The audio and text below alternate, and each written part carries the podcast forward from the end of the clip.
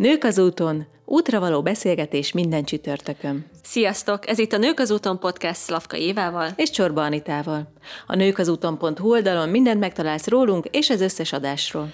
Ha szereted és követed adásainkat, akkor köszönjük, ha értékelsz minket a podcast csatornán, amin hallgatsz, hogy máshoz is eljussanak az útra való üzenetek.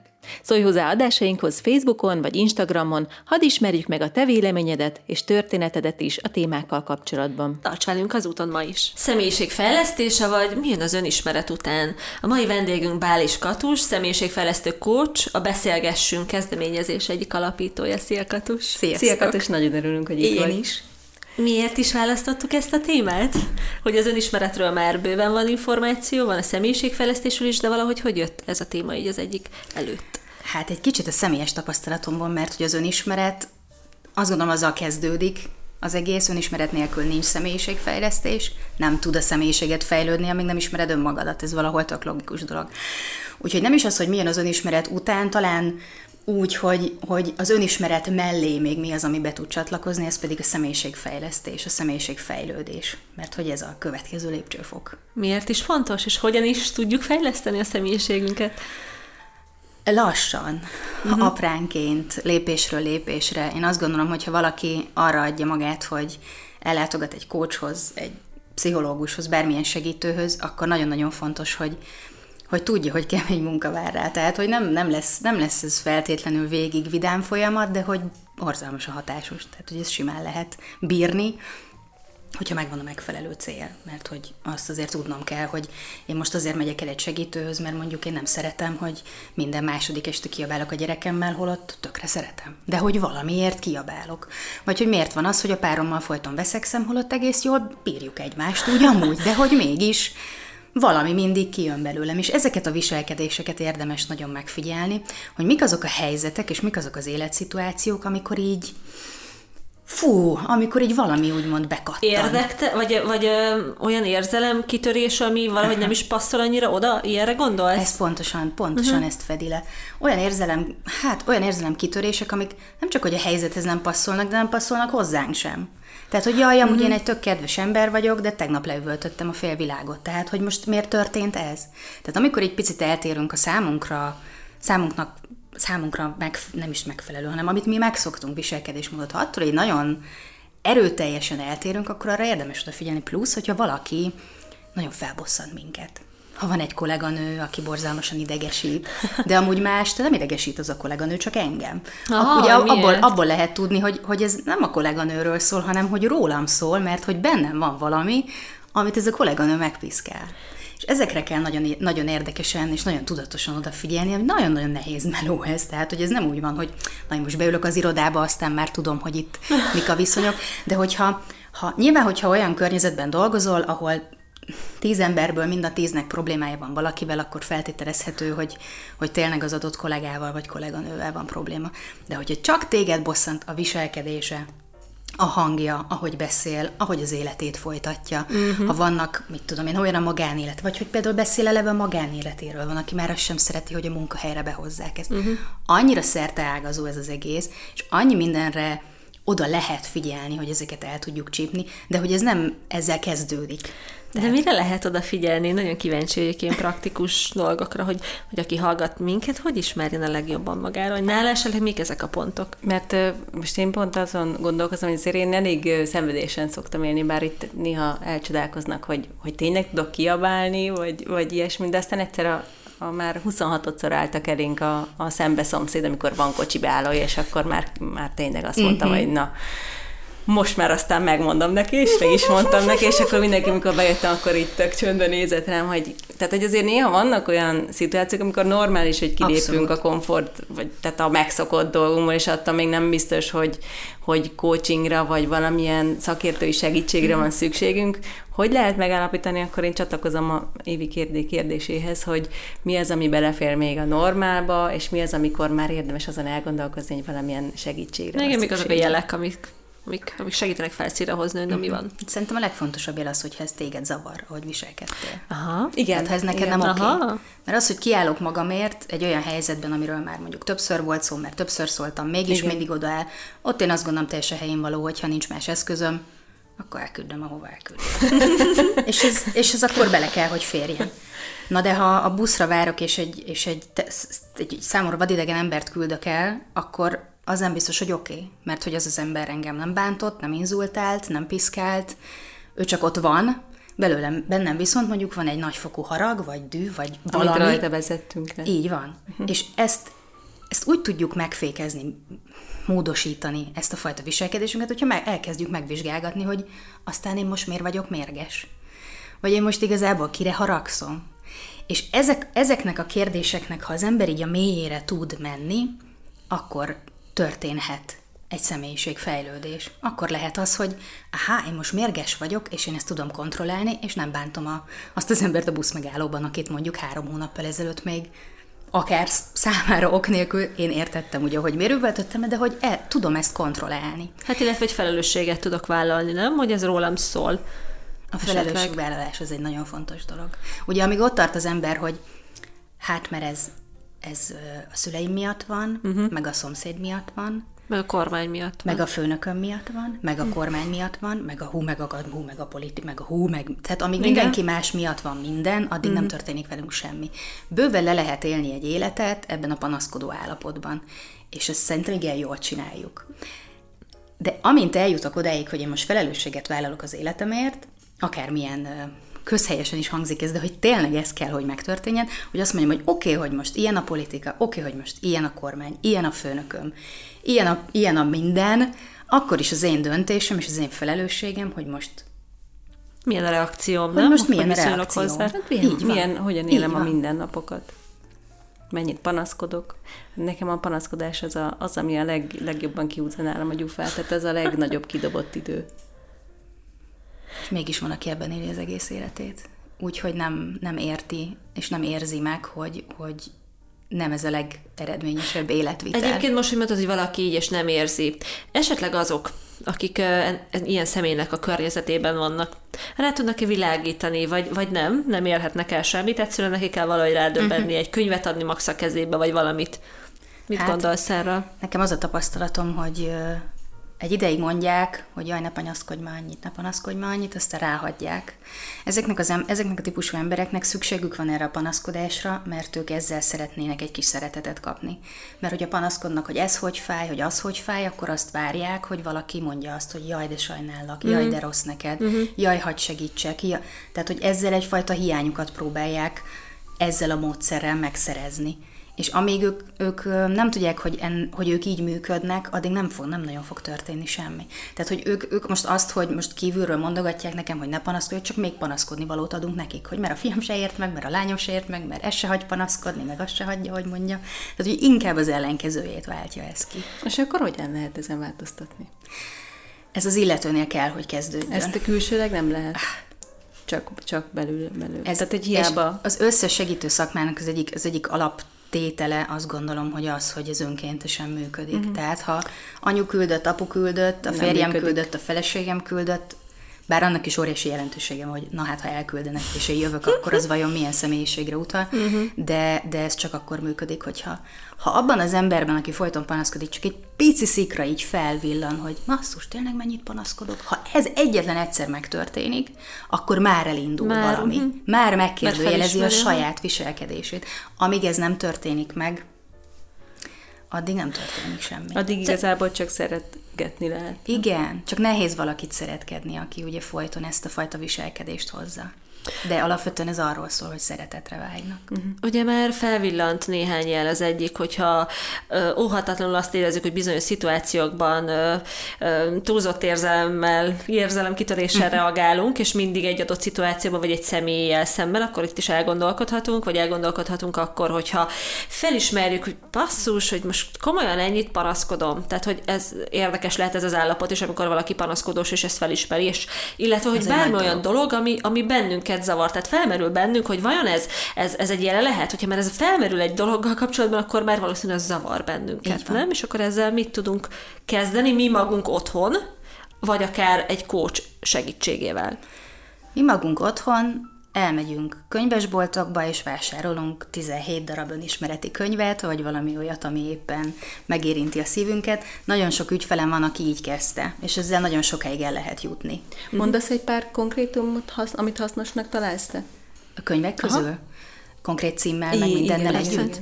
Um, az a baj, hogy van vagy 150 könyvem csak ebben a témában otthon, és mindet és nincs imádom. erről blogposztod? Blogposztom így nincs. Keressétek De majd van. a, a nőkazúton.hu oldalon ezt a akkor beszélgetést, és oda Katus összeszed néhány ajánlás, és akkor oda belinkeljük. Jó. Igen, majd ennek megfelelően. Hát ami most nekem beugrott, és nagyon-nagyon jó, de az nem, nem, a, nem az út elejére való, hanem valahol talán a közepére, vagy az első harmadára, az például Orvostót Noémitől az örökölt sors. igen, ami már egy, újabb könyv, ami, igen. ami már mm. kicsit úgy tovább, tovább viszi a fonalat, és nem csak az egyénről, magáról szól, hanem arról is, hogy mit hozunk apai, anyai oldalról, mm. nagyszülőktől, tehát hogy mik azok a dolgok, amiket tényleg sorsként megörököltünk. Ez picit, is picit más vonal, tehát hogy most nem feltétlenül ehhez egy könyvvel, de hogy ez ugrott be, és így nem hiszek a véletlenekben. Igen, meg hogy most mondtad a, mondtad a családot, meg a szélsőséges érzelmeket. Mi van akkor, hogyha valakit a családjából ö, ö, hoz ki belőle szélsőséges érzelmeket? Valakiből a családjából. Hát Tehát a családi ebédek alkalmával, vagy bármi. Nyilván ez egy olyan sérelem, ami gyerekkorától kezdve cipel. Mit tehet vele? Hát ez még nagyobb munka ezzel megbékélni, mert hogy ugye a szomszédomat el tudom kerülni akár, a szüleidet, meg mondjuk ritkán kerülöd el, mondjuk a tesódat, vagy tehát hogy ugye a családat teljesen más a viszonyulásunk, ez, ez, ez egyszer ugye alap, majd adott. Um, attól függ, hogy mi a célom, és hogy kivel és milyen jellegű konfliktusom van hogyha ezek olyan mély gyerekkori, akár bántalmazásokból érkező érzések, akkor én, én, én biztos, hogy pszichológusnál, pszichiáternél keresném rá Tehát úgy a megoldást. Már ne keressük otthon a könyvekből a megoldást, hanem, hanem érdemes szakemberhez fordulni. Én azt gondolom, hogy ez nagyon felszínes segítséget tud adni. Ez attól függ, hogy mit bír el az ember személyisége, meg mire van igénye, és hogy hát tényleg, hogy mennyit tud tenni az adott helyzetben. Ami fontos, hogy annak ne álljunk neki, hogy majd én jól megváltoztatom a szüleimet. Meg majd én jól, meg majd én jól megmondom nekik, hogy hogy éljenek. Aha. Meg amúgy bárkit. lehet ezt. Pontosan, és ez, és ez akármilyen furán is hangzik, hogyha van bennünk egy nagyfajta harag, akár a szüleink iránt, hogyha ennél a példánál maradunk, azt nem úgy kell megoldani, hogy a szüleinket megoldjuk, hanem megpróbálunk rájönni, hogy velünk mi történt, mi az, a, mi az az érzés, ami bennünk ezt az egész, egész diszharmonikus helyzetet folyton kiváltja, miért akadok ki folyton, ha kapok még egy adag húslevest, mikor csak egyet kértem, tehát hogy attól függ, hogy, hogy, hogy honnan közelítjük meg a dolgot, de nem, nem ott kezdődik a dolog, hogy a szüleinket kell valahogy átformálni, hogy nekünk megfelelőek legyenek, és nagyon fontos, főleg az ilyen családi helyzetekben, hogy minden szülő szereti a gyerekét, és minden szülő azt adta neki, amit adni tudott. Ez nagyon nehéz, mert hogy a bántalmazó szülőkre is ez ugyanúgy igaz, csak hát egyszerűen ez nem. már még egy mélyebb, durvább téma. Igen. Nagyon durva téma, mm. igen. akár, akár hagyhatjuk is szerintem, de hogy tényleg, tényleg minden szülő azt adott, amit mm-hmm. vagy ő is kapott, vagy egyszerűen nem tudta jobban. Most még az érzelmekhez kapcsolódóan eszembe jutott, hogy ez eh, helytálló ez a dolog, hogyha valakiből valamilyen helyzet, valami szélsőséges érzelmet várt ki, akkor érdemes megkeresni, vagy egy kicsit elgondolkodni azon, hogy vajon ez az érzelem, ami most mit tudom, egy sorban állott leüvöltök mindig, mert nem tudom, nem türelmetlen vagyok, akkor esetleg megkeresni ezt a türelmet, azonosítani, hogy ez milyen érzés, mondjuk türelmetlenség, és akkor mondjuk esetleg gyerekkorban mi váltotta ki ezt, tehát hogy érdemes lenyúlni ennyire a gyökerekhez, hogy mi, mihez kötjük, mert általában mindenki azt mondja, hogy minden a gyerekkortól függő vagy. Szerintem, ha néha leüvöltök embereket, így sorban állás közben, mondjuk havonta egyszer belefér. Tehát, hogy én, én, én, én, azért nem mennék, én azért nem mennék mindjárt pszichiáterhez. Tehát, hogy, hogy én a fok, amúgy is a fokozatosság híve vagyok. Tessék, meg van engedni. Nem, nem igaz, nem igaz, csak egyszer. Néha lehet. Főleg akkor lehet, ha amúgy meg minden második héten valakit előre engedsz a sorban. Uh-huh. Tehát, hogyha ez így Arányban kompenzálódik, okay. akkor szerintem így megvan az egyensúly. Um, hogyha ez nagyon-nagyon gyakran előfordul. Vagy, ami még a, a heves érzelmeken túl szóba jöhet, az az, hogyha valami folyton ismétlődik. Tehát, ha van valami mintázat az életedben, ami újra és újra előkerül. A klasszikus esete a hozzám kerülő ügyfeleknél az, hogy már megint elhagytak. Aha, tehát mondjuk így is már megint, el, hogy már, már megint valami... Már megint elhagytak a hatodik hónapban járt a kapcsolat, és már megint. Már megint elhagytak egy szebbére, egy jobbére, egy nem tudom én miért.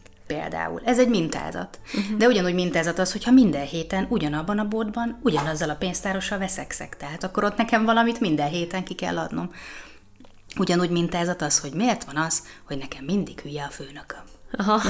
Tehát, hogy annak kevés az esélye, hogy... ilyen embert, akinek mindig mindenki hülye vala, valahogy. Igen. Hülyek a kollégák éppen ahova került. Az is hülye, a főnök is, a hülye, a mit tudom, a boltos, mindenki hülye. Lehet, lehet, hogy részben igaza van. De azt gondolom, hogy azt, hogy tényleg mindig minden mindig főnök minden. hülye legyen, mm-hmm. azt, azt még én sem hiszem el. Mm-hmm. Tehát, hogy ott például érdemes megnézni, hogy milyen típusúak ezek a főnökök, akár hogy milyen személyiségtípusba tartoznak, mert hogy vannak erre nagyon könnyen beazonosítható tipológiai módszerek, amit tényleg tök egyszerű. Meg kell nézni, hogy azzal a személyiségtípussal nekem mi a bajom.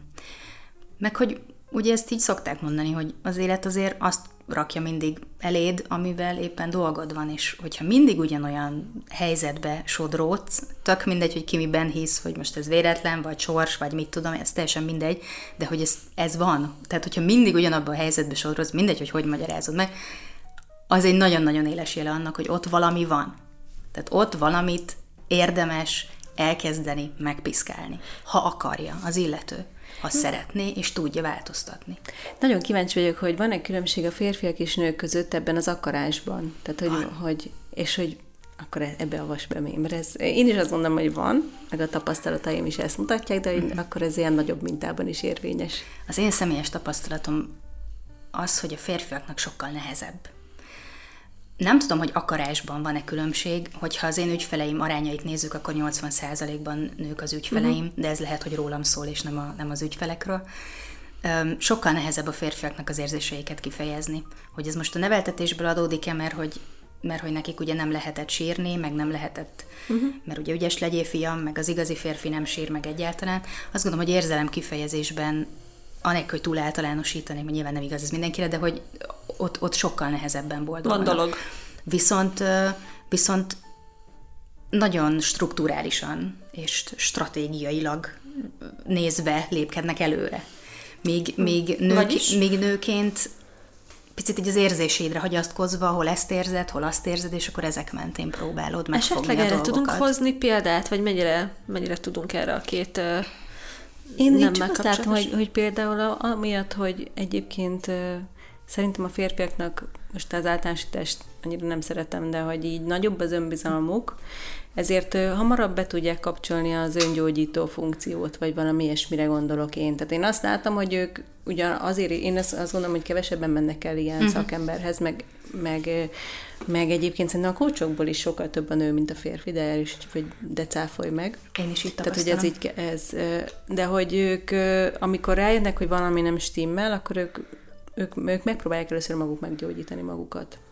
Én és ez sokszor esetleg sikerül is. Lehetséges, én inkább azt gondolnám, hogy nem, tudják, nem tudnak mit kezdeni az érzelmeikkel, még számukra nőként talán természetesebb, hogy az érzelmek irányítanak, vagy figyelünk az érzelmekre. Vagy legalábbis én, én csupán ennyit látok mögé, de te mit gondolsz szakemberként? Szerintem nőként jobban figyelünk az érzéseinkre, és jobban megyünk utána, férfiként meg inkább megpróbáljuk analizálni azt, hogy ez most micsoda, meg honnan jött, és abszolút működik az, hogy most akkor én magam elkezdek utána járni ezeknek a dolgoknak, mert, mert bőven van erre lehetőség.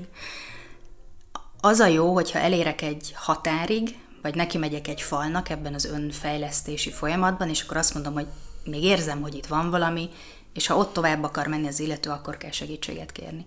Addig szerintem ez teljesen, teljesen uh-huh. önműnkö, önműködően tud működni. A férfiaknál én ezt úgy tapasztaltam, hogy hát én ezt olvastam, meg ezt olvastam, meg ezt olvastam, meg ezt olvastam, és abból arra jöttem rá, hogy, és uh-huh. akkor valószínű, hogy én ilyen vagyok, és akkor most mondjam meg, hogy akkor mit kell csinálni. Uh-huh. Tehát ők ugye ösztönösen a probléma megoldás felé mennek, és akkor meg, meg kell oldani a problémát. Na most az fontos, hogy kócsok, segítők nem mondják meg a probléma megoldását, mert hogy mondják, hát, hogy most jön Sanyi, én megmondom, hogy jó van Sanyi, akkor menj haza, csináld ezt, aztán minden rendben. Ha ilyet tudnék, hát az csúcs lenne, de hogy nem erről szól ez az egész, hanem ezt kell nekik is elfogadni, hogy nem, tehát hogy nincs megoldás két óra alatt.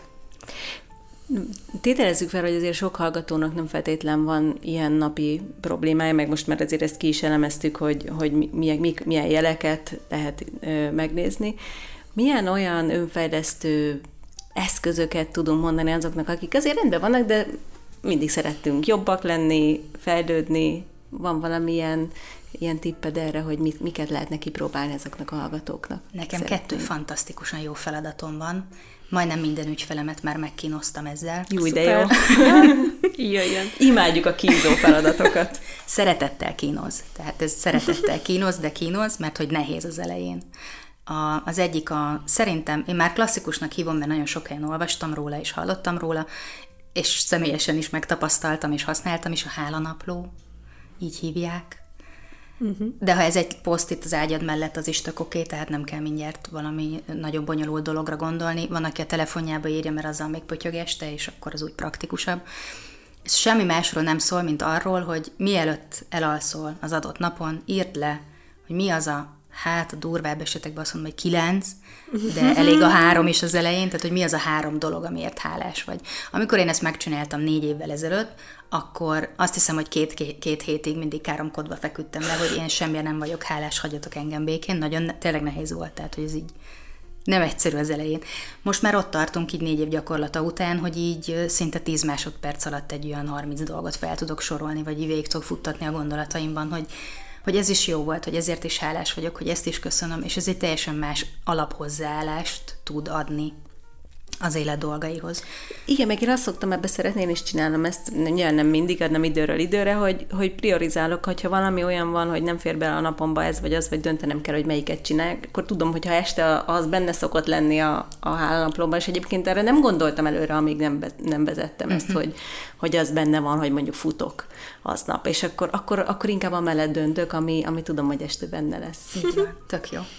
Milyen jó priorizálási eszköz vagy módszer? Igen. Amúgy igen. Na és mi a másik feladat? A másik pedig a mit szeretnék, mitől félek lista. Uh-huh. Ez szintén nem egy túl bonyolult dolog, két papír kell hozzá, meg íróeszköz, lerakod az asztalra ezt a két A4-es lapot, az egyikre felírod, hogy mit szeretnél, másikra meg azt, hogy mitől félsz, és aztán összenézed a két listát. Tehát először az egyiket kitöltöd, meg a X pontot. Hány, do- hány dolgot kell felírni? Mindegy, ami akarsz. Van, aki Érzésben? három dolgot szeretne az életében, van, aki 726-ot. Uh-huh. Ez Ja, hogy úgy az egész életünkre fontos vetítve, hogy mitől fontos, félek és mit szeretnék. Igen, meg fontos az is, ugye, hogy ki mennyit ír, mert van, aki két dolgot szeretne, de 78 dologtól fél. Akkor, uh-huh. ott, akkor ott azért lehet, hogy van valami szorongás a háttérben. Ami... Tehát érdemes összevetni akkor a két lapot és elgondolkodni, hogy van, mivel van dolgom? Egy, leírták ezt a hallgatók, akkor mit csináljanak vele? Nézzék meg, hogy mit írtak le. Amikor én megnéztem, akkor észrevettem, hogy a azoknak a dolgoknak, amit szeretnék, azoknak a 80%-ától félek. Azt és ez egy óriási felismerés volt az én életemben arra vonatkozóan, hogy én egy csomó mindentől félek, én egy alapvetően szorongó természetű ember vagyok, és, és rá kellett jönnöm, hogy úgy tudom elérni azt, amit szeretnék, hogyha megküzdöm azt, amitől félek, és hogy ez a kettő együtt fog, együtt fog működni. Hogyha azt látják esetleg, hogy a mit szeretnék lista vége láthatatlanul sok, amitől félek, meg nagyon kevés, vagy fordítva, akkor ott valami kibillent az egyensúlyból. Uh-huh. Azon érdemes elgondolkodni, hogy tényleg reális-e, hogy én 200 dolgot szeretnék, amúgy meg csak a kutyáktól félek, vagy, vagy, vagy csak egy kutyát szeretnék, amúgy meg minden mástól félek.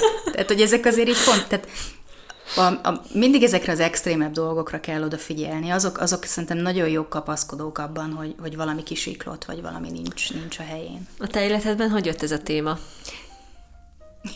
Jaj, már én is már közben kigondoltam a kérdésemet, és Jaj, közben bocsánat, el, elrontottam a kérdésedet, de felteheted, Majd utána. Jó, Jó, akkor legyen ez a kérdés. Úgy jött ez az életembe, hogy én mikor is volt, 2015-ben váltam el, és ez egy teljesen újfajta krízis helyzetet hozott az én életembe, és ezzel kezdődött a, az én önismereti folyamatom. Előtte nem, sem, semmi nem volt. Tehát, hogy én úgy éldegéltem a kis életemet, és így nem kérdőjeleztem meg semmit, másokat hibáztattam az életemért, azt gondoltam, hogy én itt mindenféle körülménynek az áldozata vagyok, folyton hisztisztem, mindig problémám volt mindennel, tehát, hogy így nem voltam egy elégedett, érett személyiség akkor még, és hát az elmúlt négy évben ezt így, ezt így gyönyörűen meg, megfejlődtem, meg meg is kellett fejlődnöm, mert hogy nem nagyon volt más választásom, úgyhogy sokszor tapasztalom azt, hogy kell valami, hát kell valami krízis, valami olyan nehéz esemény, vagy akár pozitív, akár negatív, ami így kizökkent abból a, abból a hétköznapiságból, amiben megszokottam működsz valahogy. Akkor kit, kitörik a mókuskerék egy, Aha. egy kis darabja. És ugye most, hogy ez nálam épp a vállás, másnál meg más szituáció, csak az, az benne a lényeg, hogy, hogy új helyre költözöl, új új helyre költözöl, új lesz minden, új helyzetekbe sodrod magad, és akkor még jobban szembesülsz azzal, hogy így te magad mit is bírsz el. És nekem nagyon erős szorongásaim voltak, vannak, mit tudom én, ez így gondolom, ez már így maradt, csak már megtanultam őket kezelni, de hogy, de hogy ezek annyira extrém, extrémen felerősödtek, hogy tudtam, hogy nem, nem, nem tudom ezt egyedül uh-huh. megoldani. Tehát amikor nem mersz kimenni a lakásból, mert jaj, mi lesz. Uh-huh. Meg amikor nem mered elindítani a mosógépet, mert jaj, mi lesz. Tehát, hogy a szorongásoknak van egy ilyen nagyon, uh-huh. nagyon-nagyon életet megnehezítő része, és én abba így nagyon belesüppettem akkor is, hogy onnan ki tudjak jönni, ahhoz kértem segítséget. És akkor így jött, a többi így jött, szépen lassan. Mesélj picit a beszélgessünkről, megint elloptam a kérdésedet. Igen, igen. ez volt az én kérdésem. Ja, akkor Anita kérlek, Mesélj egy kicsit, kérdésed. Katus, a beszélgessünkről, hogy ez hogy jött, és mi ez az egész kezdeményezés. Köszi, Évi. Nagyon-nagyon köszönöm mindkettőtök kérdését. Így duplán fogok beszélni a beszélgessünkről. A beszélgessünk az egy tök jó kezdeményezés. Tavaly augusztusban ültünk össze néhányan, amúgy mi kollégák vagyunk, és mások is, összeültünk kávézni, és arról beszélgettünk, hogy mi lenne akkor, ha mi kiülnénk az utcára egy székkel, velünk szembe egy üres szék, és egyszerűen akinek van valami beszélni valója, mondani valója, vagy azért, mert nincs kivel beszélgetnie, vagy azért, mert nem mer mással beszélni, üljön le, és mondja el, és ennyi. És akkor négyen voltunk, most már 12-en vagyunk benne ebben a kezdeményezésben, van köztünk személyiségfejlesztő, a Személyiségfejlesztő Akadémia hallgatója ként, ahova én is járok, van köztünk Theta Healinggel foglalkozó, a legtöbben life vagy business coachok vagyunk, és Győrben a szomszéd kávézóban tartjuk mindig, minden hónap utolsó vasárnapján ezt a kis rendezvényt. Ez tényleg arról szól, ami, amiről szól, és semmi többről, hogy beülünk oda a kávézóba, minden hónap utolsó vasárnapján egytől ötig. Az emberek jönnek, leülnek, elpanaszkodják magukat, elmondják az éppen aktuális gondjukat, bajukat, és megkönnyebbülnek. Erről szól nagyon röviden és egyszerűen összefoglalva beszélgessünk. Nyilván ez az egész, mindenkinek adunk egy kis kártyát, hogy amire az van ráírva, hogy amit majd tőlünk kaptál, azt add tovább. Ezzel próbáljuk valahogy egy icipicit megváltoztatni azt, amiben, amiben élünk, hogy azt a figyelmet, amit kaptak, mert én azt tapasztalom, hogy ez, ez hiányzik a legjobban az embereknek, a figyelem és a támogatás, hogy ezt a figyelmet, amit kaptak, menjenek haza, aztán adják már tovább valakinek. Mert hogy néha rémisztő, hogy, hogy mennyire nem figyelünk oda a másikra. És ezen próbálunk ilyen formában is változtatni, és ez tényleg ingyen van, ez tényleg semmi. Akkor most mi is adhatjuk esetleg a hallgatóknak azt a feladatot, ami nálatok ez a kártyás dolog? Megint elloptam egy kérdésedet? Nem, csak szerettem volna megkérdezni, ja. hogy pontosan aki ide el akar menni, hol találja ezt meg. Tehát, hogy van a honlapodon. Van egy Facebook oldalja, van egy Facebook Igen. oldala külön a beszélgessünknek, ez a Beszélgessünk Győrben, uh-huh. és ugyanúgy Instán is fent vagyunk, és az es- a Facebook eseményeket kell mindig figyelni, ott van konkrétan a helyszín. Illetve téged is megtalálnak Facebookon, Instán Báliskatus. Így van. ugye? Saját honlap. Igen, Instán Báliskatus Coaching. A weboldalam címe pedig baliskatus.com. Szikrára is írt a, a Katus annó, talán egy-két-három éve. Igen. Csak pont a vállás témájával, ha jól emlékszem, úgyhogy majd ezt is belinkeljük. Meg volt egy digitális detox is talán. Uh-huh. Majd belinkeljük. Igen, de egyébként abban a szempontból is elloptad a kérdésemet, hogy nek, bennem is felmerült ez, hogy ezt adjuk Ennyire mi is a hallgatóknak. van, Anita. Tehát, tehát ez egész napos közös. Gondolsz valamire, és kimondom, és Beszélgetés után. Jó, hát legközelebb akkor már meg csöndbe maradok végül. Jó, vagy mind a ketten, és csak így telepátiával üzenünk. Szerintem szóval ez mi? kitűnő feladat. hogy ez hogyan is tudják feladat. megvalósítani, adjuk nekük akkor ezt a feladatot, kérlek, demonstrált, hogy mit is kell tenniük. Annyit kellene tenni, hogy most mindenki, aki ezt így végighallgatta, és és érzi, hogy számára is fontos a figyelem, és szeretné, hogy figyeljenek rá, az most az egyszer ne azt csinálja, hogy üljön és követelje a figyelmet, hanem adja valakinek. Úgy, hogy ránéz, miközben a másik beszél, a szemébe néz, elrakja a telefont, kikapcsolja uh-huh. a tévét, és ha lehetne is egyen közben, uh-huh. az meg a tuti. Hogyha tényleg két ember egymással egymással van, ezek, ezek nagyon intim pillanatok, és nagyon-nagyon megerősítik a kapcsolatokat, amire szerintem amúgy is borzalmasan nagy szükség van. Úgyhogy ez a feladat, hogy valakinek, akit szeretsz, a szemében nézel, és megkérdezed tőle, hogy hogy van. És mindegy, hogy mit válaszolt, ezt elfogadod, és megérted, és aztán adsz neki egy puszit. Ez egy hát nagyon ez jó végszó. Köszönjük Igen. szépen, Katus, hogy itt voltál. Tegyetek Köszönjük így, szépen. hallgatók. Egy hét múlva találkozunk. Sziasztok! Sziasztok! Sziasztok.